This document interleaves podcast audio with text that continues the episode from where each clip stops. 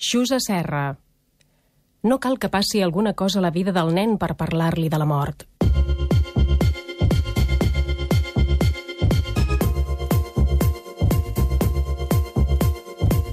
La mort s'ha de tractar en tota naturalitat, sense dramatitzar-la ni donar-li un to patètic o tràgic. Si hi ha una cosa que tenim segura en aquesta vida és això que tots sabem.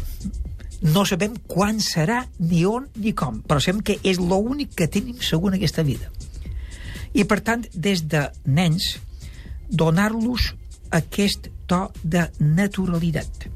La qual cosa vol dir que quan se mori l'avi o l'àvia, en lloc d'utilitzar expressions evasives, com qui dir l'avi se n'ha anat, eh, l'avi ens ha deixat, eh, és el cel, expressions que en definitiva són eufemismes.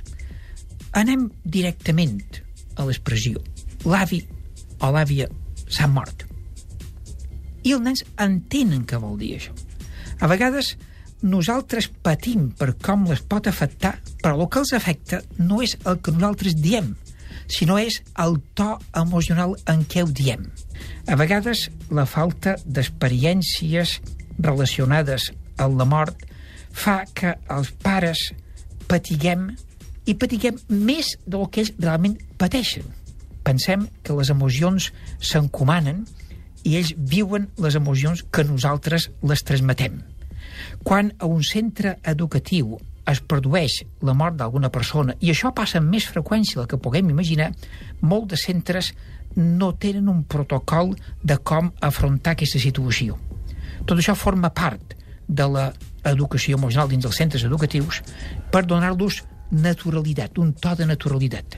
Aquí on la resposta a vegades és simplement ha passat això, entenem el que això suposa, estem a la vostra disposició pel que pugueu necessitar i sabem que en la mesura que se moren persones properes, tota persona necessita fer el procés de dol.